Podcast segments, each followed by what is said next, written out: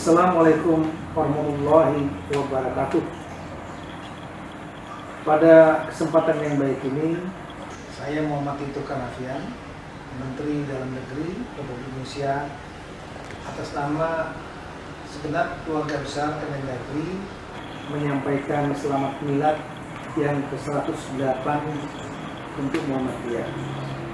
Muhammadiyah sudah menjadi aset bangsa dan sudah dikenal luas di seluruh penjuru Indonesia bahkan dunia dengan segenap dedikasi, pengabdian bahkan dalam rangka pembentukan negara dan mengisi kemerdekaan. Untuk itu, saya tentunya berharap Muhammadiyah terus menjadi makin kuat, makin solid, makin mampu untuk berkiprah dan memberikan dharma baktinya kepada masyarakat bangsa dan negara menjadi pilar penting bagi tegaknya negara kesatuan Republik Indonesia. Tengah COVID-19 pandemi ini, peran Muhammadiyah juga dirasakan sangat penting karena COVID tidak bisa ditangani hanya oleh pemerintah, tapi juga oleh seluruh lapisan masyarakat termasuk ormas dan Muhammadiyah merupakan organisasi penting.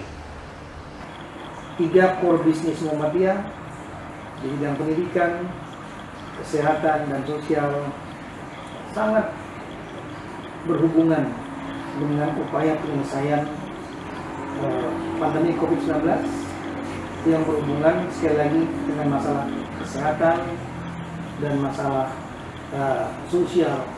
Di samping itu tentunya pendidikan dalam rangka sosialisasi agar kita taat pada protokol kesehatan COVID-19.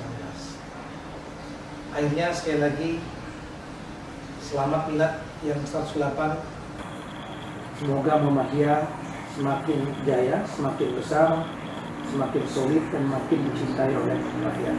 Assalamualaikum warahmatullahi wabarakatuh.